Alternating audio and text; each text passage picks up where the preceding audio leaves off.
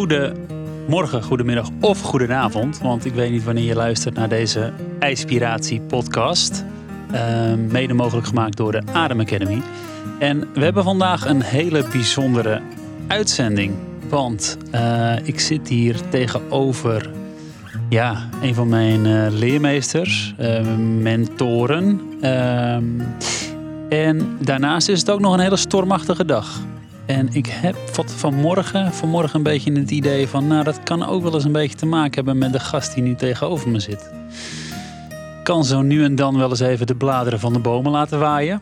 Ehm, en ergens kan hij ook zorgen voor een bepaalde stilte en rust in het midden van die storm. Het zijn meerdere eigenschappen die, uh, die, uh, ja, die de gast van vandaag uh, zeker meebrengt. En Alex, wie, wie hebben we eigenlijk vandaag? Nou, te gast is Bouke de Boer. Je mag hem mental coach noemen, maar eigenlijk schiet dat tekort. Guru zou hem beter passen. Ook wel een spirituele leider of gids. Want een wijze jonge man van 74 is hij zeker. Bouke geeft trainingen in systemisch werken, oplossingsgericht werken en traumawerk. Door mij vrij vertaald als Bouke geeft trainingen in mens zijn. Klopt dat een beetje? Ik uh, ben het er helemaal mee eens. Nou. Uh, maar doorgaans word ik jonger geschat dan 74, maar ik ben 75. Oh, 75, oké, okay, oké. Okay. Dat was een uh, klein administratief foutje dan. Maar, verder, ja, dat is een beetje mijn inter interpretatie van jou dan. ja, mensen trainen uh, om echt mens te zijn. En daarbij hoort volgens mij vooral voelen, voelen en voelen. Welkom Bouke. Ja. En welkom inderdaad. Ja, ja dankjewel. Jullie uh, triggeren me bij het leven. Uh, ik heb de afgelopen week heb ik een, had iemand een podcast gemaakt, had hij mijn naam ingenoemd. En nou, hij zegt, is dat oké? Dus toen ben ik gaan luisteren, maar het duurde bijna een uur voordat hij het over mij had. Toen dacht ik, waar gaat hij het over hebben? En ik moet heel bekennen dat ik hem van lang geleden ken. En toen zei hij, goh, heb jij iemand gehad die jou op het spirituele pad heeft gebracht? Ik denk, oh, nou gaan ze het waarschijnlijk over mij hebben. En toen heb ik een beetje zitten glimlachen. Ja, dat is een guru. En ik werd zo groot gemaakt, dacht ik, nou, ik snap het een beetje, een guru, omdat ik een Surinaamse achtergrond heb. Daar is uh, iedereen een guru. En meteen de week daarna, of een paar dagen daarna, heb ik iemand voor de telefoon. En uh, die heeft mij uitgenodigd om een, een uh, samen met mijn vrouw Doreen voor 4.500 mensen te spreken. Over de, de nieuwe wereld. Mm -hmm.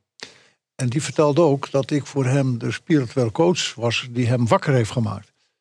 Dat vind ik wel grappig, want zo zie ik mezelf helemaal niet. Uh, dat, ik doe gewoon wat ik heb te doen. En ik, ik weet niet of jij, Chris, toevallig mijn post hebt gezien van vorige week Waarbij ik op LinkedIn en Facebook een prachtige mooie zin met grote letters heb gemaakt. En dat heb ik een beetje gerelateerd aan Ajax toen het 4-3 was bij Utrecht. En daar heb ik hele mooie reacties. Maar er waren ook een heleboel reacties dat ik denk, nou, heb ik daar nu wel zin in? En zo kijk ik naar de aankondiging van de storm. De storm heeft niet met mij persoonlijk te maken. De storm heeft te maken wat er in, uh, in deze wereld gebeurt. Wat was die zin? En dan word ik ontroerd als ik daar al een. Mm. Want we maken er met elkaar een klote zooi van. Uh, en er moet van alles gebeuren. En zo kijken ook naar Ajax. En mijn zinnetje was: soms wens ik mensen toe dat ze zeer ernstig ziek worden. En dan spreek ik de hoop dat ze weer beter worden. Want blijkbaar moet er iets gebeuren dat mensen wakker worden. En terwijl ik hier zit te wachten, heb ik een jongen uit uh, Haringhuizen. Ook wel bij jullie in de buurt. En de jongen 24, die heeft een burn-out. Is ontslagen op zijn werk. En meteen zegt zijn vriendin ook zo. Ja, misschien zit je er niet op te wachten, maar ik heb de neiging je te feliciteren. Want blijkbaar moet dit gebeuren dat je het anders gaat doen. Want op 24 moet je geen burn-out hebben, dat gaat niet werken. Dus heb je niet naar je lichaam geluisterd. Dus uh, goedemorgen, goedemiddag, goedenavond. Precies. ja. ja. het is wel leuk, want, want, ja, ik heb, hier, ik heb natuurlijk weer fantastisch voorbereid op dit, op dit uh, gesprek. Maar je, je, pikt, je pikt er al gelijk verschillende dingen uit die pas aan ja. het einde zouden komen, Bouken. Ja, ja, ja. hey, want ik, uh, ik gaf zelf uh, afgelopen woensdag uh, les in uh, sport en gezondheid op de Hogeschool van Amsterdam. En toen, toen ging het ook over burn-out. En ehm, uiteindelijk zei ik hetzelfde. Van ja, soms feliciteer ik mensen met het cadeautje. Ja, dat is soms wel moeilijk om aan te nemen. Maar, maar ja, jij, jij gaat verder. Dan, jij zegt ja, niet alleen de burn-out, maar echt het, het ziek, het lichamelijk ziek zijn, dat wens je mensen toe. Wa- wa- waarom is dat? Nou, laat ik vooropstellen dat ik het jammer vind dat het nodig is. Ja. Dat mag duidelijk zijn. Mm, ja. Ah, Oké. Maar het blijkt dat het nodig is. En eh, de post, of vooral op LinkedIn, daar moet je nagaan. Er, er schrijft een man: Wow, wat een wijze woorden en hoe genuanceerd. En de volgende reactie was: één woord: incompetent. Nou, dus heb ik liefdevol eh, daarop gereageerd. Van goh, ik ben een beetje in verwarring. Want nou zegt iemand die zegt eh, wijze woorden en wat genuanceerd. En jij zegt incompetent. Los dat ik als trainer je de volgende keer het advies zou geven. Ik vind het competent, want dan neem je eigenaarschap. Want nu ben je aan het generaliseren. Ik zeg, ik zou best eens een keer met jou een discussie willen. Maar dan heb je eerst het boek gelezen van Gaben Matthäus, dat tegen nee zegt. En dat heb ik daar niet geschreven, want dat vond ik te groot. Maar die zegt gewoon ALS, MS, alle vormen van kanker, artritis is omdat we niet naar het lichaam luisteren. En daar weet je alles van. Want hoe kwam het dat ik een beetje kwam aan nou, de, de, de guru, dat iemand dat zei. Ik was even in de auto naar ons verleden aan het teruggaan. En toen dacht ik, oh ja, Telstar. Nou, ik ben voor Chris een voorbijganger die langere tijd, kortere tijd even voor hem er kon zijn om hem advies te geven. Ik weet nog, met weerstand heb je daar die ademhalingsoefening gedaan. En nu eh, hoor ik net van je broer. eh, ik verdien niet zoveel, maar ik kan op eh, het salaris van mijn broer, want die verdient een goud geld mee, dus dat is helemaal geregeld. En dat is ooit door mij gekomen, hè, dat je het even precies. weet. Ja, hè? ja, ja, ja. Hè, Dus als je, denk je, oh ja, Bouke. Ja, Bouke. Nee, maar zonder dolle. En toen dacht ik, oh wat mooi. En wat mooi wat jij nu doet. Man, super. Ja, en ik ben, want eh, eh, wij kennen elkaar veel langer. En eh, dat gaat al een jaar of tien terug, denk ik. Er is ik- misschien nog wel langer. Ik denk korter. Ja. Nou, Nou. Telstar. We- ik werkte als, als inspanningsfysioloog en krachttrainer bij, bij de, de Witte Leeuwen in IJmuiden. Ja. En jij was daar mental coach, spelersbegeleider. Ehm, en zo kwamen, liepen we elkaar tegen het lijf. En ik vertelde vanmorgen nog, ja, ik vertelde vanmorgen nog eh, tegen iemand eh, dat de eerste keer dat ik zelf een ademsessie deed, want die vrouw, die had iemand, ja, die wilde die wel naar mijn ademsessie sturen, maar die vond het allemaal beren spannend. Dus ja, eh, die had al vier keer bij de knop gezeten van bestellen, maar iedere keer, nou nee, dit is toch, toch een beetje spannend. En toen eh, vertelde ik dus dat de allereerste keer dat ik eh, Egmond aan zee of Castricum aan zee. Castricum aan zee op zondagochtend 9 uur. Ik liep daar om kwart voor negen met mijn spullen zo naar beneden. Naar de plek waar je dat verzorgde samen met Doreen. En ik keek om me heen en ik dacht, waar ben ik terecht gekomen? Want ik had natuurlijk gevraagd, eh, wie wil er met me mee? Gaat er iemand met me mee? En iedereen dacht, nou Chris, veel plezier. Zondagochtend 9 uur. Waarom wilde jij daar zo graag naartoe dan? Ja, ik voelde zo'n trek naar, naar, eh, naar wat. eh, naar, naar Bouke. Want ergens bij, bij, ehm, bij Telstar, jij kwam binnen en ik had eigenlijk al gelijk zoiets van: hé, hey, dit is een bijzondere man. Eh, ja, kan jij iets meer vertellen over wat je doet? En ik vond het heel interessant wat je allemaal deed. Ja, en toen je zei van eh, ik zou eens een keer eh, bij de ademsessies, eh, bij de ademhalingsoefeningen meekomen doen. Dat heb ik ook een paar keer uitgesteld. En uiteindelijk toch ja, het idee van ik, ik, ik ga dit doen. Maar niemand wilde mee. Iedereen dacht, pff, wat ga jij nou doen? Ik dacht, ik ga dit wel doen. Maar de hele ochtend dacht ik echt, ja, zal ik omdraaien, zal ik omdraaien? Ik liep het, padje, het paadje af richting het strand, richting de strandtent. En toen dacht ik nog steeds, ik kan nog steeds omdraaien. Mhm. Want wat ga ik hier in godsnaam doen? Ik doe de deur open, ik loop die ruimte binnen, ik zie mensen. Had je En- ook nog het gevoel of zo van, eh, ja, ik ben toch niet gek of zoiets? Zo Van, wat, wat ga ik hier doen? En, Nou, dat is het grappige. Uiteindelijk ga je het allemaal projecteren naar de buitenkant. Dus eh, ik zag daar mensen zitten in die ruimte en ik dacht, ja, wat zijn dit voor gekkies? ja, dat bedoel ik. Ja. Ja, dus eh, je gaat het allemaal ik ga het allemaal projecteren. Dus ja, wat zijn het voor gekkies? Wat, wat voor zweverig gedoe? Eh, dan zie ik een oude man, eh, hè, respectvol, oudere man, staan met zijn met met z'n trainingsbroek aan. En eh, ik denk, wat is dit allemaal? En vervolgens gaan we de ademoefening in. En ik denk na drie kwartier zeg jij, eh, nou hè, beweeg je handen, beweeg je vingers. En we gaan zo meteen de zee in voor een, voor een koude duik. En ik kom daaruit, ik denk, wow, wat is hier gebeurd? Uit Dat de zee. is, nee, bij de ademoefening Ja, al. Ik, ja. Het was voor mij al, al zo- had al zo'n impact. En het was zo gaaf. Dat ik het strand richting de zee liep. En ik, ik liep naar jou toe. Want we waren met een grote groep mensen. Ik liep naar jou toe. Ik zei, hé, maar wa- wa- wat is hier zojuist gebeurd? Wat, eh, hoe werkt dit? En ik weet nog dat je een klap op mijn rug gaf van... eh, ja joh, mooi hè? En eh, geweldig allemaal dit. De boer. Ja, ja, ja. Van de boer. En ik liep daar met allemaal vraagtekens. Ik denk, wat was dit? Mag ik, eh, mag ik daar wat op zeggen? Zeker. Wij hebben een maand geleden, deed ik eh, bij de Embodied Leadership, ook een ademhalingsoefening. En er was een gozer, die komt uit Alkmaar. Het bedrijf zeer bekend. Hij heeft grote problemen met de overname met zijn vader. En ik zag het al tijdens de ademhalingsoefening. Die kwam dus ook in dat veld. En nu afgelopen week gingen we de tweede keer, maar hij durfde niet. Hij zegt, ik heb iets ervaren wat ik wist niet dat het bestond. Nou, hoe leg ik dat tegenwoordig uit? Op twee manieren. Als je de boeken leest van Gary Soekhoff, die praat heel erg mooi. Heel veel mensen zitten nog in vijf zintuigelijke waarneming. Zien, horen, ruiken, proeven en voelen. Maar de, nieuwe mensen, en dat is een proces, dat gaat niemand tegenhouden. Dat ga ik allemaal niet meer meemaken in mijn leven. Gaan we naar multizintuigelijk waarnemen. Dat steeds meer mensen in contact zijn. Maar, goh, wat er gebeurt meer. En dat we weten, hé, hey, ik heb het idee, die gaat bellen. Hey, je- met je partner, hé, hey, frek, daar zit ik ook net aan te denken. Nou, dat vind ik wel mooi. Er is een visie dat kinderen geboren na 1990, die zitten eigenlijk al een beetje in dat veld. Kinderen daarvoor, waar ik er natuurlijk één van ben. Ja, jij zit op de grens. 89, ja, ja. Ja, jij zit op de grens. Maar dat herken je ook van je, waarschijnlijk van je vader, je moeder of een opa's en oma's. Eh, hard werken, hoog mogelijke schoolopleiding, goed je best doen, kop houden, geen emoties uiten. Daar hebben ze zo geen tijd voor. Nou, zo ben ik ook opgevoed. Mannen houden niet alleen vrouwen. Daar ben ik zeer congruent mee geweest. Als een echte Fries, toch? Ah, eh, super. En, en ik denk ook West-Fries en ook heel Nederlands, maar echte Fries. Ja. Eh, En als je niet wilde luisteren, krijg je een klap voor je hartjes. Gewoon boem.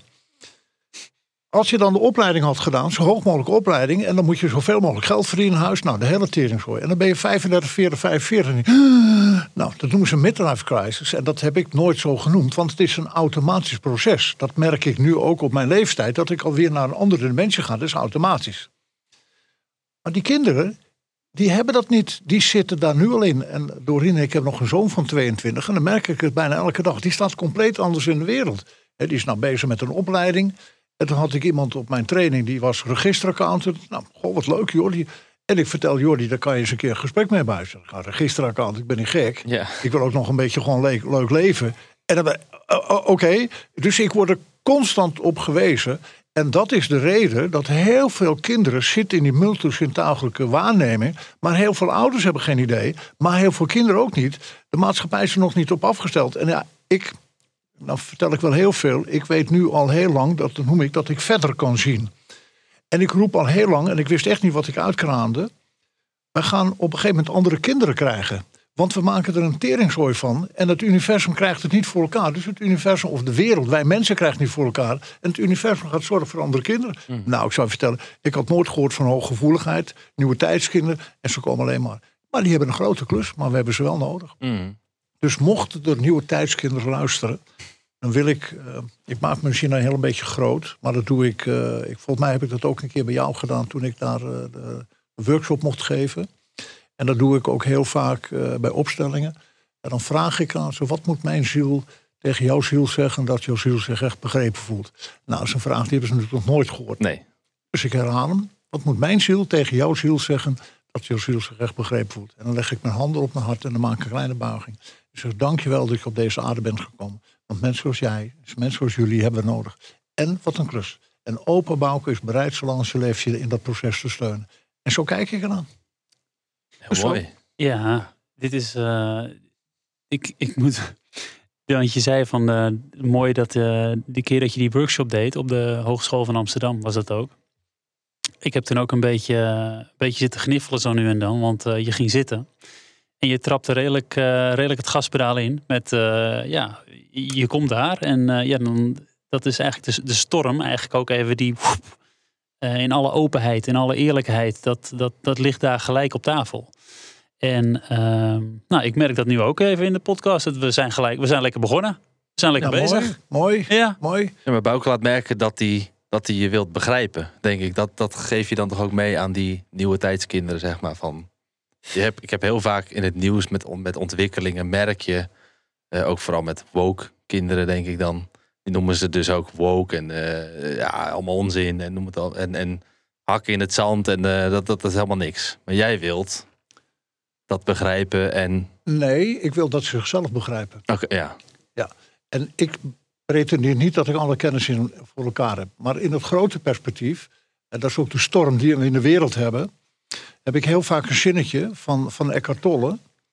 Eh, en dat vind ik heel leuk om ook hier te vertellen. Het boekje gekregen van eh, mijn grote vriend Stefan de Vrij. De voetbal van het Nederlands elftal. Die, soort, die zorgt allemaal dat ik zo dit briefje... Mhm. En ik heb nu een ander boek. Er liggen hier ook drie, eh, drie boeken op tafel die Bouke heeft die heb ik, meegenomen. dat is het boek wat ik nu lees. Dat is Stefan de Vrij ook aan het lezen. Dus dat, hij is ook een nieuwe tijdskind. Ja. En dat boekje van Eckhart Tolle, dat heet dus De Aarde Spreekt. En daar zegt hij...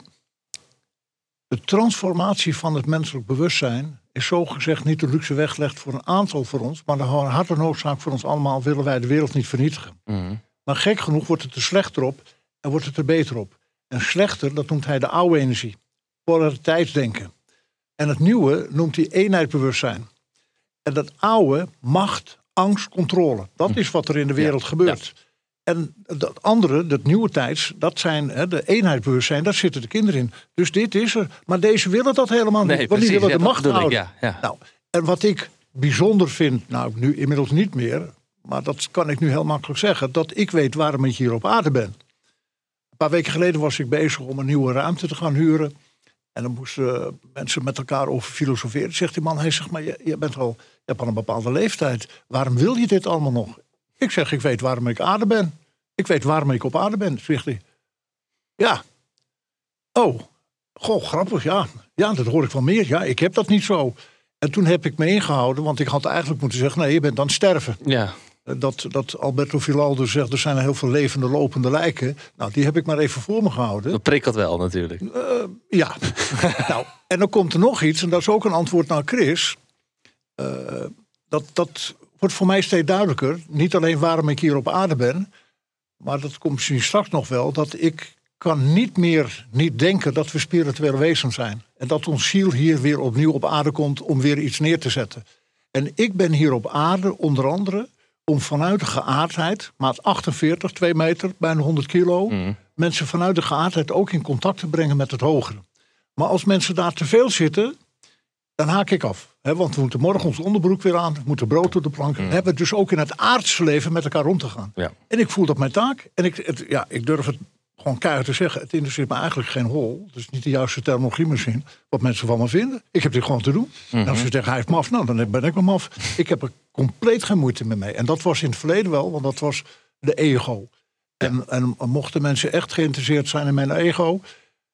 Ik heb ooit in mijn boek geschreven, ik was lid van de ego-trappers, de fietsgroep. Nou, dus ik zat daar compleet in. Nou, en dat, ik zeg niet dat ik die helemaal kwijt ben. Dat hoor je mij niet zeggen. Maar ik weet waarom ik hier ben, dus ik heb dit te doen. Ik heb dit gewoon te doen. En je, je zegt net over dat eh, kinderen na 1990 dat die veel meer in het veld van eenheidsbewustzijn zitten. En eh, dat de, de oudere krachten veel meer in de polariteiten blijven zitten. Ehm, en is het een, aan de ene kant, Alex begon net over van je traint en je begeleidt mensen in mens zijn. En je zei net zelf ook van ja, ik wil mensen ook zichzelf beter leren begrijpen. Heb je dat ook niet door te maken dan? Dat je, eh, ondanks dat je dan na 1990 bent geboren en je, je, je herkent misschien het eenheidsbewustzijn, dat je die polariteiten in jezelf echt te onderzoeken en te ontdekken hebt om weer daarnaar terug te gaan? En nou zijn Dorin ik, mijn vrouw en ik, wij zijn pioniers. En wij hebben dat van de basis moeten doen. Ik, als ik een boek ga schrijven over waar ik elke keer alweer de troepen vooruit liep, wat ik in het verleden niet wist, dan schrijven ze mooi in een prachtig mooi boek, eh, De Meester van het Oosten. Pioniers hebben het allemaal moeten uitvinden. En de jongeren, die gaan sneller door het proces. Maar je hebt het wel duidelijk ook te ervaren. En dat gaat over bewustzijn. Eh, Als jij nu gewoon in de wereld kijkt wat er gebeurt. Eh, Ik noem maar weer het voorbeeld drie, vier maanden geleden in Iran. Dat een gewichtheffer, die heeft een Israëlische collega een hand gegeven. En die is de rest van zijn leven geschorst. En dan denk ik, oké, 2023, hallo, dat gaat over bewustzijn. Allemaal wat er gebeurt. Maar in het verleden vond ik een belachelijk idioot. En nu kijk ik ernaar. En ik, ik heb daar verder geen oordeel, veroordeel meer over. Want dat helpt niet. Ik heb er wel mijn gedachten over. En dus ja, we hebben dat allemaal mee te maken. Maar het gaat veel en veel en veel en veel sneller. Het gaat veel en veel en veel sneller. Gaan wij niet tegenhouden. En eh, als je, dat, als je het zegt over dat het veel sneller gaat. Je hebt, eh, ik, ik, ik had nog even opgeschreven. Je bent ooit begonnen als fysiotherapeut in de topsport. Ehm, daar hebben wij ook een mooie, mooie link. Ehm, vanuit fysiotherapeut bij, eh, in de voetballerij ben je uiteindelijk je eigen praktijk gestart. En veel gedaan met NLP, met systemisch werk, uh, traumawerk, trainingen. Zeg je dan eigenlijk ook dat die wereld die van die trainingen en de opleidingen, dat dat ook wel ingekort kan worden voor de jongere generatie? Ik denk dat ze er sowieso sneller doorheen gaan. Ja, dat wat ik, ik bedoel. zou absoluut nu mijn trainingen absoluut compleet anders doen dan destijds. Dus dat is geen discussie. Maar ik denk dat het nog belangrijker is. uh, en dat weet jij, dat heb ik al meerdere keren ook uh, verteld. Dat ik nu, met alle kennis die ik heb, dat ik fysiotherapeut heb moeten zijn. Niet om dat vak uit te oefenen, maar eerst heel lang, ik vind het best lang, aan het lijf van anderen zitten om toestemming naar mijn eigen lijf te gaan. Mhm. Dat ik begin NLP begon. Ik dacht, oh, dat is goed, ik moet de hele wereld, we gaan onszelf overbodig maken. Maar ga weg. Ik moest zelf beter leren communiceren. Want ik communiceerde als een bothorik, hoorde ik vaak. Dat begreep ik niet. Nou, dat snap ik achteraf wel. Maar ik ben systemisch werk gaan doen om mijn eigen systeem te helen. Ik ben uh, traumawerk gaan doen om mijn eigen trauma's te helen. En een paar, nee, een maandje, anderhalf geleden, heb ik een workshop gegeven samen met uh, Pamela Kribbe. En dat je zielspad volgen. Met de kribben? Pamela Kribbe. Uh, voor uh, mensen die spiritueel ontwikkeld zijn en heel erg in de muziek zitten. Uh, de boeken De Verboden Man spreekt, De Verboden Vrouw spreekt, Bezielsleven. Allemaal dat soort mensen die echt in muziek zitten, die kennen die boeken allemaal. Oké. Okay. Ik zal ze vanavond even langs ja, brengen. Ja, ik, ik zal ja, even lezen. En zij, zij, is, uh, zij is filosoof en zij is compleet in het wereld gekomen van channelen. Nou, bijzonder. En zij vertelde voordat we de workshop begonnen dat ze privé best een paar uitdagingen had. Nou, een heel verhaal doet er niet toe. Dus we gingen voor de groep zitten. En toen zei ik, goh, ik heb net een gesprek met iemand gehad. En die loopt wat tegen wat dingen aan. Ik zeg, nou, binnenkort hebben we een mooie training. Je zielspad volgen. Ik zeg, nou, dat geldt voor mij ook. Dus dat jullie snappen dat jullie 30 hier zitten. Zodat wij er weer wat van kunnen leren. Mhm. Mm. Nou, Dorien en ik gaan volgende week starten met onze nieuwe training. Dan gaan we weer verder. En die, die training heet Waarachtig Leven. Dat we radicaal eerlijk zijn naar onszelf. Want daar ligt de heling. Mhm. Mm -hmm. Echt, elke keer wat voer ik. En dat, nou ja, vroeger wist ik niet dat je kon voelen. Maar nu weet ik dat. Maar ik ben me zo bewust, die training geef ik ook weer voor mezelf. Om nog meer zelf in dat veld te komen. Dus iedereen die een trainingsinstituut heeft, moet gaan beseffen. Wat is nou eigenlijk de reden dat ik het doe? Die twee mannen die uh, ons gedachtegoed voortzetten. Nou, die ben ik nu ook aan het vertellen, jongens. Er is maar één reden om er zelf van te leren. Nou, als we dat doorhebben, gaat het proces nog sneller. Zo kijk ik ernaar. Ja, um, en je zegt ook van dat je door als fysiotherapeut echt aan anderen hebt gezeten. Dus we hebben er eigenlijk echt de anderen nodig om zelf te leren. Ja, ik, ken er, ik, ik noem het soms de afdeling zware gevallen. En die heb ik. In de topsport ben ik mensen tegengekomen die op een gegeven moment allemaal fysieke klachten hadden.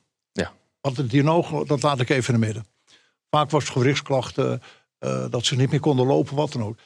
Die mensen heb ik destijds al eens keer op een vorige ziel heb ik ze ontmoet. Ik zeg, dan moet je inspanningsfysioloog worden, zodat je je eigen lichaam gaat begrijpen. Ja. Zodat je dan misschien eens op het pad komt van ademhalingsoefeningen die je kan doen en koude trainen, mm -hmm. zodat je eigen lichaam kan helen. Mm -hmm. Ken je ze? Wat, de ademhaling? Nee, nee die, dat soort figuren die daardoor inspanningsfysioloog ja, ja, zijn geworden. Ik, om een eigen lichaam te gaan helen. Ik heb een beeld van uh, zo ja, iemand. Ja, ja, ja. ja, ja Mooi hè, hoe die dat altijd doet. Ja, ja, en ik maak geen grapje. Nee, ik weet ik maak het. Maar absoluut ik, geen grapje. Ik weet het. Zo ik, kijk ik ernaar. Uh, om uiteindelijk met al die spelers al die jaren bezig te zijn met uh, hun belasting en belastbaarheid. En mijn eigen belasting en belastbaarheid totaal vergeten. Totaal niet mee bezig zijn. Om er altijd maar voor die ander te zijn. Ja, uiteindelijk was het uh, Chris, uh, de boeken en de kennis die je toepast op de ander. Gaat alsjeblieft eens een keer voor jezelf doen. Ja. ja. En daardoor ben je er nog beter in. Ik, ik, mm. ik vind het niet helemaal gepast hier. Maar het zou mooi zijn om aan jou de schaalvraag te stellen. Hoe tevreden ben jij nou? Hoe jij mentaal, emotioneel, fysiek in deze wereld staat? Op een schaal van 0 tot 10. Ja, dat is wel leuk. Ik ga het, uh, ik ga het verder omschrijven. Want ik zou, ik zou het een 8 geven. Een 8,5. En het grappige is dat ik inspanningsfysioloog was. Had ik datzelfde cijfer, voordat ik ziek werd, hè, voordat ik echt goed ziek werd, had ik datzelfde cijfer gegeven. Compleet ander cijfer. Precies. Compleet andere schaal eigenlijk. Precies. Mm. Nou, dat, eh, daar heb ik een leuke metafoor. Eh we hebben ooit een, eh, een röntgenoloog op onze training gehad, de practitioneropleiding. En die man had, was een droogkloot in zijn humor. En op een gegeven moment hadden we na twee maanden een terugkomdag. En dan mocht iedereen een beetje vertellen hoe is het nou.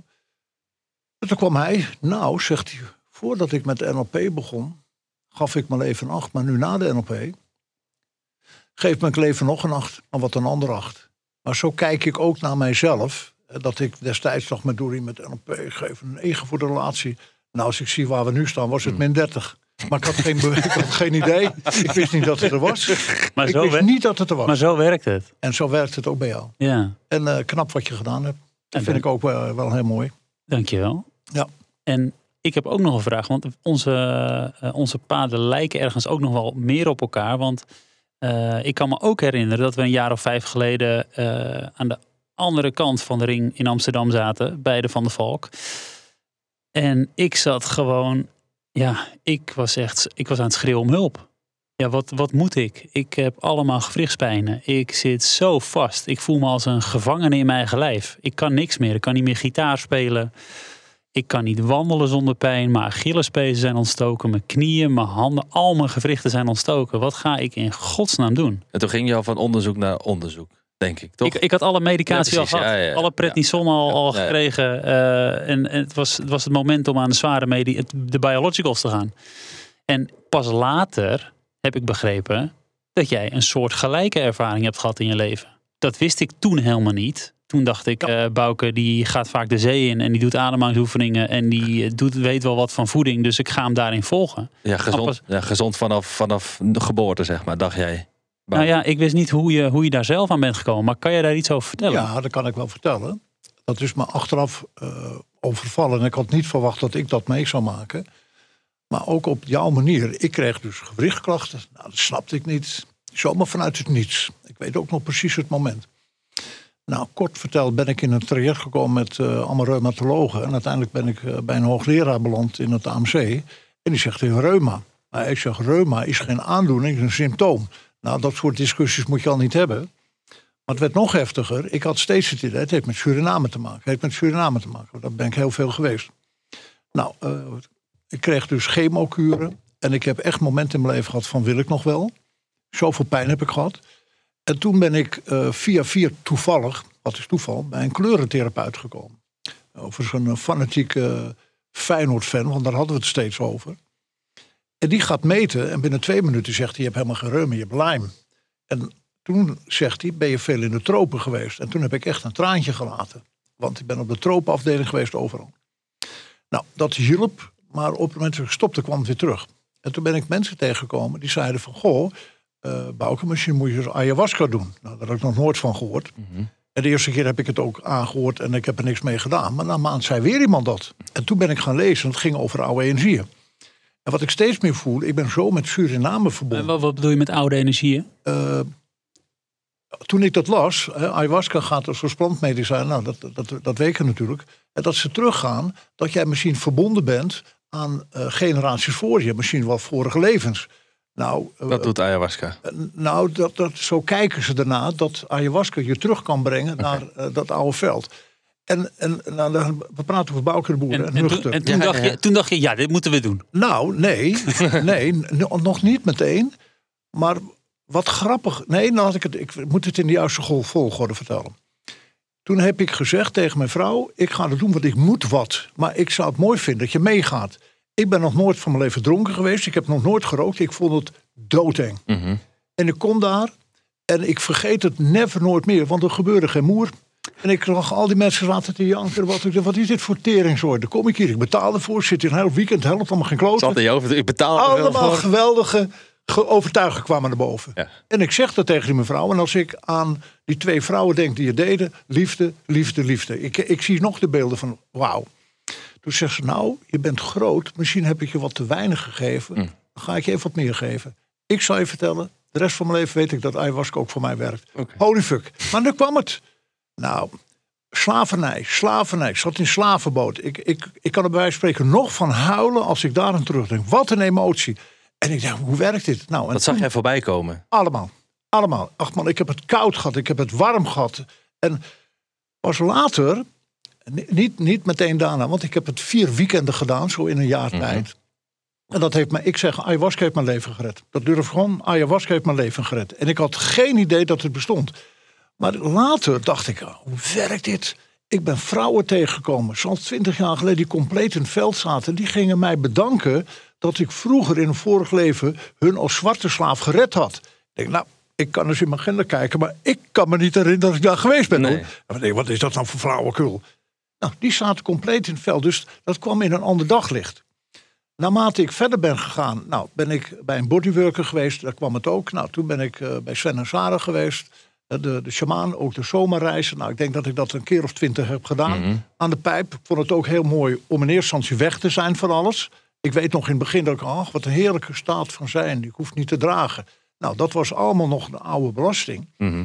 Nou, daar ben ik mensen tegengekomen die op een gegeven moment bij hun zomerervaring bij de Indianen kwamen. Nou, en dat zaten ze te vertellen. En ik begon te huilen.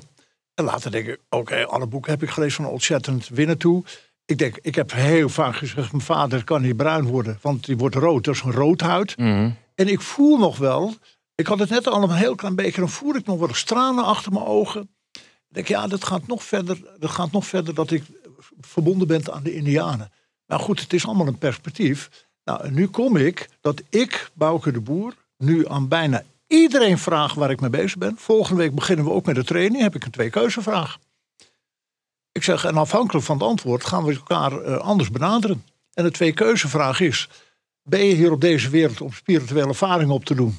En je gaat de pijp uit, het is over.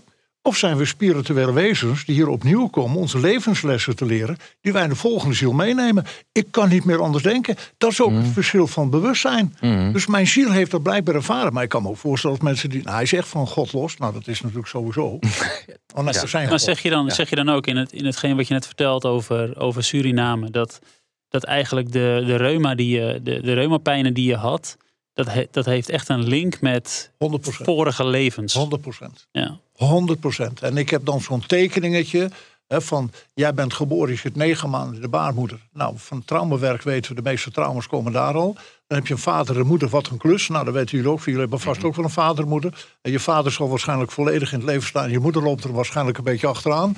Nou, het zal allemaal dus... wat wa- Nee, wat is het? Hensbroek is het of zo? Nee. Spierdijk. Spierdijk, nooit hoor. Spierdijk, nooit hoor.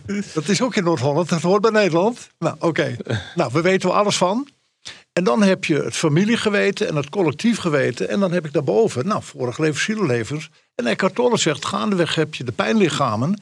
En Pieter Levine zegt de traumadelen. Ja, ik kan niet meer anders kijken. En bij mij is het, ik dacht in eerste instantie, was het een parasiet? Dacht ik, nou, het is gewoon een energetische belasting. Dus ik kan niet meer anders kijken. En als mensen zeggen, nou, hij zegt van God los, nou, dan is dat maar zo. Maar het werkt wel. En ik kan niet meer anders kijken. En zo kijk ik ook naar de hele wereld, naar het verschil van bewustzijn. Maar zo kijk ik ook naar alle tumult wat er is met de storm. Mensen moeten wakker worden. Ja, en, en dan, wil ik, dan wil ik er best wel even wat aan vragen. Want je zegt van het, het werkt wel. En dus kan je niet meer anders kijken. Maar betekent dat ook dat, dat je dan een positieve ervaring hebt met het plantmedicijn. En vervolgens daar een heel mooi verhaal van maakt en daar beelden hebt gezien? Dat kan natuurlijk ook. Ik ben even een scepticus hè, nu. Je weet, eh, ik sta er ook anders in. Maar ik, Mhm. vanuit deze stoel probeer ik even, even wat, eh, wat aan te duwen. Jeetje, eh, zeg nog eens een keer de vraag, dat ik hem goed binnen kan laten komen. Nou, je, je hebt met het plantmedicijn, met ayahuasca, ervaar je eh, beelden. Je ziet jezelf daar als, als, als slaaf. En ehm, eh, uiteindelijk heeft het je leven gered. Ja, dat is Dus- echt te zeggen. Uiteindelijk ben je van je klachten afgekomen. 100 procent. Heb ik ook. 100 procent. Ik heb hetzelfde ervaren. Dat plantmedicijn mij enorm heeft geholpen. Ja. En de beelden die ik daar heb gezien, dat heeft niet met voor, heeft ook vorige levens, maar er zijn ook bepaalde dingen uit dit leven die Ja. echt, echt, eh, Ja. echt zwaar 100 procent. in mijn lijf zaten. Ehm, maar is het niet zo dat we daar ook gewoon een verhaal van maken, terwijl het misschien eigenlijk niet te bevatten is wat er allemaal gebeurt? Oké, Eh, nu komt hij nog beter over. Mhm. Eh, ik ben eh Bouke de Boer, man van het land, strijdvaardig, maat 48. Ik ben ongelooflijk hard. En dat tekeningetje wat ik net visualiseerde, eh, jij, je ouders, familiegeweten, noem maar op, is een van mijn leermeesters, Matthias Vaska van Kiebert, dat is een professor, die heel veel met opstellingen doet. En die zegt dan, nooit, maar ook nooit zal je zeker weten wat de oorzaak is vanuit het verleden. Laten we veel meer in het hier en nu kijken wat we kunnen doen de geblokkeerde energie opnieuw te laten stromen. Nou, en zo kan ik ook naar ayahuasca kijken. Dat wil niet zeggen dat het voor iedereen is. Zo kan ik ook naar de ceremonies van de shamaan kijken. Maar dat wil echt niet zeggen dat het voor iedereen is. Zo kan ik ook naar plantmedicijnen kijken. Maar wat ik ook weet, is dat ik heel veel mensen krijg. Dat ik het eigenlijk als ze binnenkomen, ik denk, oeps, volgens mij heb jij een destructief gedrag. En die gebruiken dus met recht dit niet als medicijn. Hm. Die gebruiken om weg te zijn van de realiteit. Ontsnappen. Holy fuck. Ik heb, ik heb vorige maand een opstelling gedaan. Ik vergeet mijn leven lang nooit meer. Ik was zo verbaasd dat die gozer was. Een pet op zijn kop en zo. Die zat in. Wat doe je hier? Maar die was met zijn nichtje mee. En die had een hele goede ervaring. Nou, die gozer zit naast me. Ik zeg, de eerste vraag die moet ik je stellen. Wat voor destructieve dingen heb je in je leven gedaan? Ja, ik ben aan de drugs geweest. Oké, welke heb je even? Ja. Nou, en dan heb ik geweldig vorm van humor. En wat is de enige vraag die ik je mag stellen over dit? Nou, waarom ik dat heb gedaan? Ik, ja, dat, kom op, dan moet je bij papa of opa Bouke komen om je te verantwoorden. Op, man. Dat is de enige vraag die je mag stellen. Ik zeg, maar ik ga je helpen. Wat heeft het je gekost? Nou, hij zegt een huis. Ik zeg sociale woningbouw, vrije sector. Vrije sector. Ik zeg, als je dan niet het juiste antwoord op geeft op mijn vraag, dan ben je volgens mij de grootste klootzak die er rondloopt. Dus hij zat me aan te kijken op een opstellingsdag. Ja, ja. Allemaal keurige mensen. Heb je ervan genoten? Ah, shit, man, te kijken. nou ja, eh, hij stotterde helemaal. Ik zeg, als jij niet, nou volmondig ja op je hebt godverdomme een, oh, pardon, je hebt Ja. helemaal een neus volgestopt met een, sociaal, niet een vrije sectorhuis. Ja, dan ben je voor mij een eikel. Ja. Maar het is weg, weg van de realiteit. En dat maakt me heel erg ongerust. Mensen die misschien naar festivals gaan en, en, en met elkaar aan de cocaïne gaan. Ja, jongens, sorry, maar daar ligt echt niet de heling. Mhm. En Dus dat is de andere kant. Daar, daar ben ik voorzichtig mee. En als mensen dat ze nu en dan doen als een ontspanning, Ja, precies. Daar ben ik benieuwd naar. Hoe kijk je daar Super. naar? Oké, ja. super, super. En eh, ik weet niet of, eh, of ik toestemming heb van mijn vrouw. Maar als ik nu mijn vrouw zou vragen, zou me toestemming geven, dan zou ze zeggen: nee, vertel het maar. Dan doen wij dat ook regelmatig samen. Ah. Dat we reizen en dan komen we in een dimensie. Wat een extra. Ja, het is extra. Mhm. Maar daar zijn we ook heel erg gereserveerd mee. Dat is echt niet elke week. En dat is echt niet om de drie, vier weken. Nee. Dan gaan we weer. Dat doen we op gepaste wijze. Ja. En ik, met alles wat ik weet, ben ik elke keer verrast. Huh? En we gaan steeds naar een hoger niveau met elkaar. En dat, eh, Een soort snoepreisje is dat dan. dat zou niet de juiste terminologie zijn. Nee, dit is. eh, en en, en ik, ik bedank het medicijn ook altijd voor de heling en de persoonlijke ontwikkeling, Ja. voor de nieuwe inzichten. Maar ik ben er ook wel heel bescheiden mee. En nou, eh, kijk, dat is misschien ook een toevoeging aan eh, mijn hele Suriname-verhaal. In diezelfde tijd ben ik toen ook in contact gekomen met de principes van Wim Hof. En daar ben ik toen nog een paar keer geweest. En dat doe ik samen. Ja, en ik moet elke keer moet ik bij, een, bij wijze van spreken mijn rijbewijs of mijn paspoort meenemen om te vertellen dat ik deze leeftijd. Mensen geloven het niet. Mhm. Ik merk wel dat het orthopedisch apparaat laat mij wel steeds duidelijker zien dat de leeftijd toch Oh, klopt. Maar goed, dat, eh, dat is een andere. Ja, Dus dat. Ja, en we, Ja, dan ben ik niet enthousiast, hè, Chris? Nee, nee, nee, helemaal Nee, niet. Het is wel, het Dat is, zou ik ook niet willen, hoor. trekken en duwen. Het is trekken en Ja, duwen. precies. En dan ook nog met mijn spreek, spreekangst. Ja, ja, precies. Jij, jij helpt me er wel overheen. Hey, ik wilde ook even vragen, ehm, want je doet veel met lichaamswerk. Je zegt net al ademwerk, koude training. Eh, je hebt net een nieuw huis gekocht, eh, ook dicht bij de zee. Heel bewust, zodat je daar regelmatig naartoe kan. Ja. Ehm, plantmedicijnen, opstellingswerk. Eh, je doet heel veel met het lijf. Ja. Als je kijkt naar, hè, met, de, met de bril van een 75-jarige. Als je kijkt wat er gaande is in de maatschappij. Eh, de digitalisering. eh, de wijze waarop de jeugd op de hogescholen en de universiteiten alle kennis leert, veel in het hoofd zit. Hoe belangrijk gaat lichaamswerk zijn de komende jaren, decennia? Blijft belangrijk. Maar wordt het niet alleen maar belangrijker? Eh, nee, het blijft belangrijk. En wat jij bedoelt is dat er misschien heel veel mensen daar meer aandacht aan moeten gaan besteden. Dat is wat anders. Eh, dat als ik, eh, ik, ik zei het net, we, we, krijgen de uitnodiging en ik, ik hoop ook dat het doorgaat. Dat we voor 4.500 mensen mogen spreken. Mhm. En dat zijn allemaal ondernemers die anders in de wereld gaan staan, omdat er moet wat gebeuren. Moeten wakker worden, noem ik het maar. En dan praat ik niet alleen maar over de spirituele ontwikkeling, want sommige mensen zitten me daar te veel. Ik praat ook over de mentale, emotionele ontwikkeling. Maar ik praat ook over de fysieke ontwikkeling, communicatieve ontwikkeling. En ooit mocht ik eh, bij het televisieprogramma Echte Leeftijd als mental coach eh, optreden. En toen heb ik, naar aanleiding van mijn vorige leven, ik heb ook driejarige opleiding acupunctuur, had ik van een docent een heel mooi metafoor van een kaars. En die kaars, hoe lang brandt die kaars? Wat wordt de leeftijd Mhm. van de kaars? Maar tweede ook, hoe brandt dat kaarsje? En toen had je het over, hoe voed jij dat kaarsje? Nou, dan had hij het over essentiële energie. Een beetje de tegenpool, één keer de hele dag eh, T-bone met patat en mayonaise. Of ben je biologisch dynamisch? Nou, even als extreme. Maar wat doe je met de motorische eigenschappen? Wat mijn oude vak is. Lenigheid, spierkracht, uithoudingsvermogen, snelheid en coördinatie. Ik weet ze nog allemaal uit mijn hoofd. Wat doe je daaraan? Nou, in mijn leeftijd hoef ik niet meer op snelheid te werken. Maar ik moet heel veel aan spierkracht. Elke dag doe ik dat. Elke dag doe ik lenigmakende oefeningen. Mm. Elke dag ben ik op gepaste wijze cardiovasculair bezig. En hij noemt het toen een beetje de kosmische energie. Maar dat vertaal ik nu een beetje. Woon jij eh, bij de Tata, dan heb je kans dat je wat groter problemen hebt als je op Texel woont. Ja. Maar ook vooral rook je. Ik kan me dus absoluut niet voorstellen dat mensen roken. Mhm. En, en dat is, ik, ik kom elke dag mensen tegen. Nou, dan hoor ik het sommigen aan hun stem. Want ik denk, nou, ze roken, dan zie je het ook aan uit. Maar die mensen snappen niet dat het dus ook in het lijf gebeurt. Ja, ik snap dat dus niet. Nou, en dan praat je over, zeg maar, eh, communicatieve energie, mentaal-emotionele energie en spirituele energie. Het wordt steeds belangrijker. Maar Chris, ik ben nog steeds verbaasd dat ik, denk al 40 jaar roep. Ik zou wensen dat iedereen twee tot drie keer in de fitness gaat. Want dan besparen we 40, 50 procent van de, van de Mhm. gezondheidszorg. Mhm. Dus ja, ik zeg niet dat het belangrijker wordt. Het blijft belangrijk. Maar goed, mijn ziel, dank je wel, zijn twee dingen. Die heeft dus blijkbaar ook in dit leven besloten. Niet om de ademhalingsoefening alleen te doen, de zee te gaan. Maar de discipline te hebben om het elke dag op te brengen. Ik zit bijna elke dag in de zee. Ik doe Ja, elke dit- dag ademhalingsoefening. dit is een van de, van de belangrijke dingen die jij eigenlijk altijd in, in je trainingen eh, eh, kenbaar maakt. Want we kunnen heel veel begrijpen wat goed is. En we kunnen heel veel. eh, dus dat het mooie, die piramide die je gebruikt. Van, nou, je kan in je omgeving veel dingen doen. Je kan in je gedrag dingen veranderen. Je kan in je vaardigheidsniveau kan je dingen aanleren. En vervolgens, maar dat kan je wel allemaal doen. Maar er is nog één hele belangrijke factor. De discipline om het continu maar te blijven doen. Ja. En dat is natuurlijk gewoon heel moeilijk. Eh, Of niet? Ja, nee, het, ja, het is een uitdaging.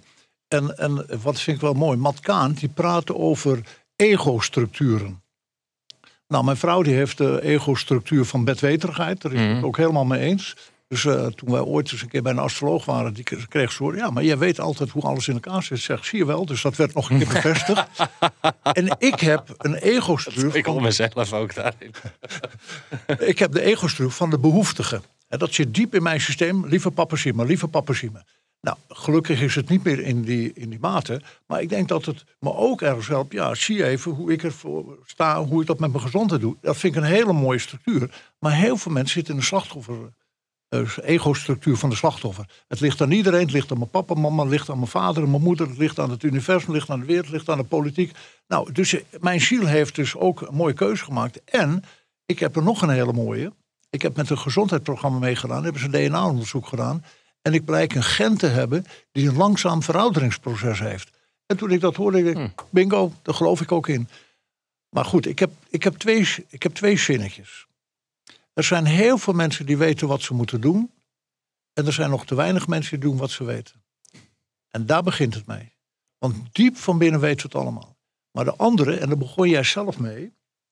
eh, ik ben nu 30 jaar NLP-trainer. En Chris, ik denk, een beetje overdreven, dat ik misschien in Nederland wel degene ben geweest die het meest heeft uitgelegd per, per- perceptie projectie. Dat, ik, dat weet ik natuurlijk niet, maar dat denk ik. Maar ik zal je vertellen, ik begin nu pas te beseffen wat echt is. Ik heb me dat nog nooit zo beseft dat het zo diep in het systeem zit. Dat eigenlijk weer dat tekeningetje, embryonaal, papa, mama, familiegeweten, collectief geweten. Dat zit allemaal in ons lijf. En dat projecteren we de godsganse dag. Mhm. Nou, dat heb ik echt niet geweten. En Doreen en ik hadden gisteren een heel mooi gesprek. Dat wij in ons samen zijn de afgelopen tijd even een momentje hadden. dat ik wat anders reageerde dan ze gewend was. En op een gegeven moment zegt ze. Ze ging dat heel mooi uitleggen. Ze zegt: Ik voelde daar diep van binnen nog zo'n oud stukje. Hè, dat, dat, dat, dat, bam, dat je terugtrok. En ze zegt: Jij zegt het ook wel eens een beetje met een tonaliteit tegen mensen. Hé, hey, waar ben je? Dat zou ook liefdevoller kunnen. En waar ik enorm zelf aan gekoppeld ben, is de dynamiek van de onderbroken uitreiking. Want mijn vader was er niet. Nou, zie mij, zie mij, hoor mij. En maar mijn best doen, en maar mijn best doen. Van, van, van, nou, van alles. En heel diep van binnen, als je ook heel erg onder druk zet, komt hij nog wel eens een beetje naar boven. Nou, dan is het mooi dat ik een hele lieve vrouw heb die mij daarop wijst en andersom. En dat besef is bij zoveel mensen voor de, in de verste verte niet duidelijk. Dat is elke dag. Dus als mensen dat nog meer gaan begrijpen. En ik voel ook dat ik daar nog meer in te doen heb. En dat is ook mijn reden dat ik regelmatig dat deed met corona. Liefdevol rebelleren. En ik heb besloten om daar volgend jaar, als we gewoon wonen. En we hebben onze ruimte allemaal voor elkaar. Dat ik dat nog meer ga doen in de bewustwording. En daar hadden we het in het begin ook al over. Het gaat allemaal over bewustwording. Dus zo. En dat ga je dan ook op de, op de golfbaan doen, denk ik? Uh, nou... Uh, ja, als liefhebber.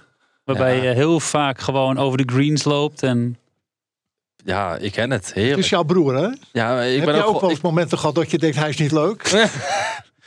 nou, Ja, ik je, hebt ben het zelf, je hebt het zelf net even over het liefdevol rebelleren. En ik, ik kan me, ik kan me één, één, eh, één tekst herinneren dat, wat het over, eh, over de golfbaan gaat. Nee, dat klopt. Er is een moment geweest dat ik, eh, ik had een droom. Want ik mocht als enige niet in het clubhuis komen, omdat ik niet gevaccineerd was. Oh, ah, oké, ja. En de anderen allemaal wel. En dat vond ik nou, niet helemaal passend. En eh, op een gegeven moment eh, heb ik een, een stukje liefdevol gerebelleerd. En toen zei ik, ik weet niet of het een, een droom was of een onge, ongewoon gesprek met iemand. En ik refereerde eigenlijk aan het ongewoon gesprek met God van Neil Wols. ja. En ik stond er op de tafel en de, de- alle, alle mannen waren er. Maar ik zit naar die mannen te kijken.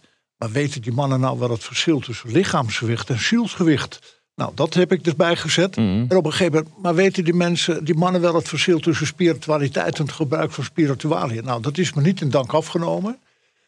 Ik ben er voorzichtig mee. En ik, ik, ik, ik hou me toch een beetje in. Ik golf niet meer, omdat ik het niet meer fijn vind om elke keer uit te leggen. Maar werk jij nog? Nee, ik werk niet. Ik doe wat ik heb te doen. Ja, maar je bent toch gepensioneerd? Ja. En dan denk ik, ik word niet begrepen. En ik ben dus gestopt omdat ik niet meer in een energieveld wil. En ik zeg het niet. Alberto Filaldo zegt dit nu, namens mij. En Albert Filaldo zegt, heel veel blanken hebben een keel doorgesneden. Die zitten compleet in het hoofd. En we moeten van ego gestuurd naar hart gestuurd bewustzijn. Mm. En dat mis ik daar een beetje. En wat Alberto Filaldo zei, ik zei het al eerder, die zegt er, le- er lopen heel veel leven lopende lijken. Nou, en als ik dan mijn humor daarop loslaat, vind ik niet plezierig om daarmee te golven. Dan zeg ik het netjes, hè? Dan doe je het heel netjes. Doe je het heel netjes. maar met mij zou je misschien wel een rondje willen lopen. Op de golfbaan. Dat zou Nou, ik heel leuk vinden, stiekem. Eh, ja, ik Ja, golf dat, ook. Dat, dat, dan wil ik dan eerst even wat verder gesprek met jou. Is de relatie met je ouders? Hoe is de relatie met je broer en zo? Nee, natuurlijk. nee. En ik moet zeggen dat eh, mijn orthopedisch apparaat eh, heeft eerst nog wat aandacht nodig. Ik moet binnenkort eens even... Een deel van mijn knie moet vernieuwd worden. Ik ben nog, over, over ego gesproken, ik ben nog vanuit die periode, nou dat zal je ook aanspreken, heb ik jou wel eens verteld over AZ, dat ik moest al geopereerd worden voordat ik een blessure had. Ja. En ik heb onder andere met David Loggie, een bekende AZ-speler, was ik er achteraf als fysio- fysiotherapeut trots op dat hij binnen drie weken alweer kon voetballen na meniscusoperatie. Weet je hoe ik er nu naar kijk? Misdadig. Hadden we nooit moeten doen. Mhm. En dat is, nou, en uit die periode kom ik. Dus ik heb ook heel veel leeftijdgenoten, versleten heup, versleten knie. Mhm. En daar betaal ik nu ook een beetje een prijs voor. Dus ik ben een beetje voorzichtig met golf. Maar ik begrijp dat het een mooie uitnodiging is dat jij mij Ja. eens een keer uitnodigt. Maar we hebben nog de tijd. hè. Het is de, de winter slaat in. eh, Dus eh, in principe ga ik dan natuurlijk niet op de golfbaan staan. Nou, jij, jij zou dat waarschijnlijk wel doen. Ja, ik, als ik, weer ja, dat maakt me niks uit. Nee, dat Ja. maakt me niks uit. Nee. Maar eh, Nee, Voor- ik, ik, ik moet heel bekennen dat ik verrast ben over mijn eigen ontwikkeling. Ik heb ruim, nee, klein anderhalf jaar geleden heb ik toch besluit genomen een elektrische fiets te kopen. En ik zag vanmorgen, ik zit al op de 7000 kilometer. Zo. En Doreen al op de 10. Ja, wij fietsen bijna elke dag. En ik vind het geweldig.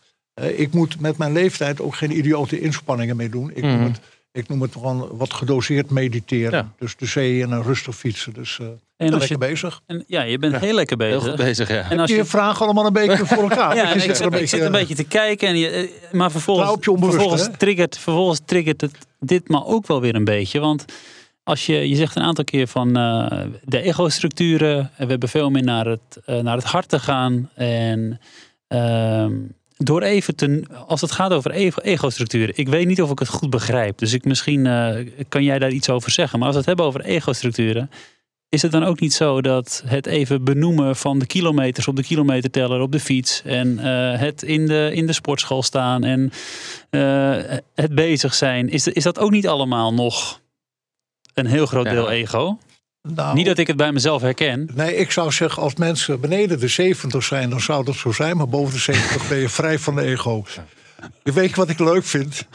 Ik, ik heb bijna de neiging wat anders tegen je te zeggen. Ja, en dat zit op een hele diepe laag dan toch nog een beetje zie mij, hoor me. En ik ga me er niet achter verschuilen. Maar ik weet ook dat mijn ziel hier is om een voorbeeldfunctie te hebben. En mensen wakker te maken. En daar mag ik me niet achter verschuilen. Maar ik heb een heel leuke. Een andere boekentip is toch dat ze, ze eh, de nieuwe aarde van Eckhart Tolle gaan lezen. En ik moet zo lachen. Die heb ik 20, 25 jaar geleden gaf ik training in Roemenië. En dat ben ik zo aan verbonden, ook om andere reden dat ik het weet. En Eckhart Tolle zegt, als je een ego hebt, is het een groot probleem. Maar als je een ego hebt en je levert een bijdrage aan deze wereld, dan komt het goed uit. Ik denk, die hou ik even Ja, goed. mooi. Dus ik denk dat het heel stimulerend is dat ik op mijn leeftijd zeg hoeveel kilometer ik al rijd. Ja, Maar je hebt compleet gelijk. ja. En dat ga ik in dit leven ook niet afleren. Wil ik ook niet. Want weet je, dat, je, je, je zei het aan het begin van het gesprek ook dat ehm, plantmedicijnen of, de, of de, de andere reizen die we ook samen hebben gemaakt, eh, die brengen ons ook in een bepaald veld waarvan het heerlijk is om daar te vertoeven. Even weg van het aardse. Ja. Ja, en dat is ook even weg van het hele ego. Ja, Maar vervolgens kom je daar ook alweer terug. we hebben het ook in het aardse te doen. Zo kijk ik er ook naar. En je triggert me even. Ik heb gisteren een artikel gelezen in de krant. En ik ben even de naam kwijt. Dat is een judoka. En eh, die krijgt het niet voor elkaar om eh, niet de sport weer opnieuw op te pakken. Want zegt, ik kan niet stilzitten.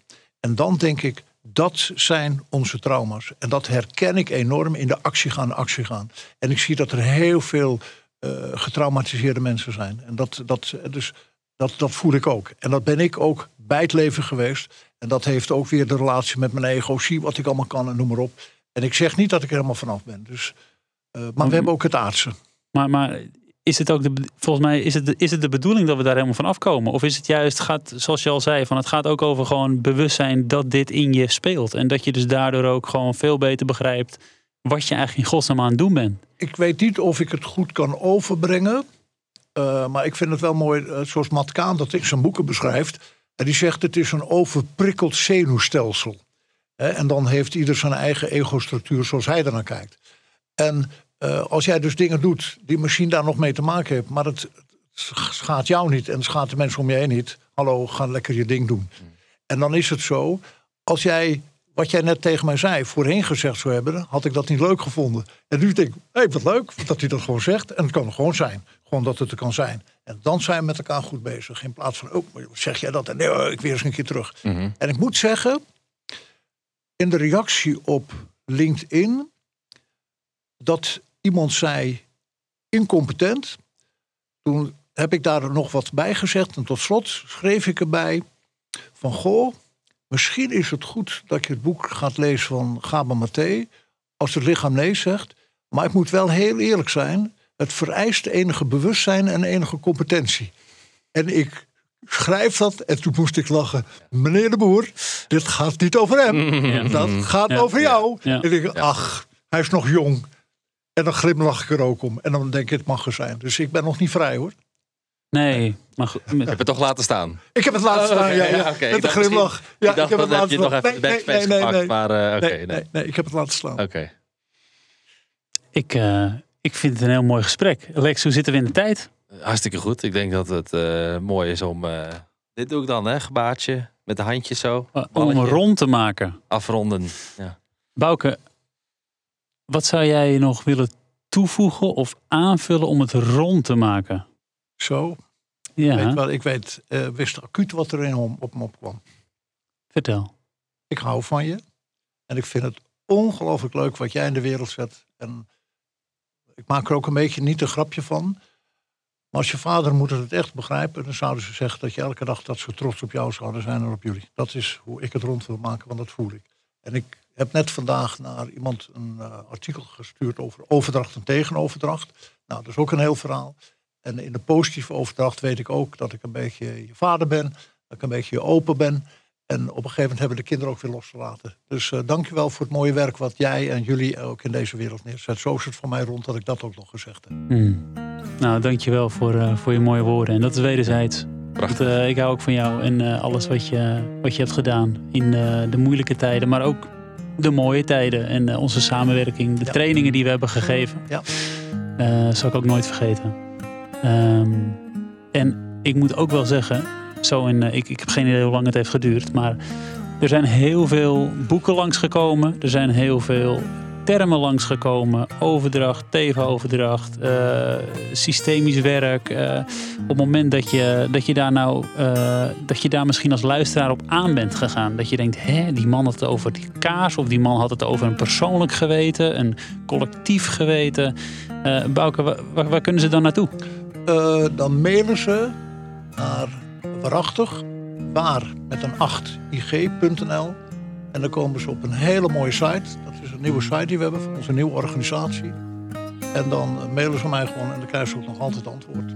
Ik heb ooit eh, iemand gehad die verwijst nog steeds regelmatig. En dan geeft hij één waarschuwing. Hij belt altijd terug. Dus als ze mailen, mail ik nog terug ook. Dus ik geef er een waarschuwing bij. Dus Ja. voel ze welkom. Heel mooi. Waarachtig met een 8. Heel mooi. Dankjewel.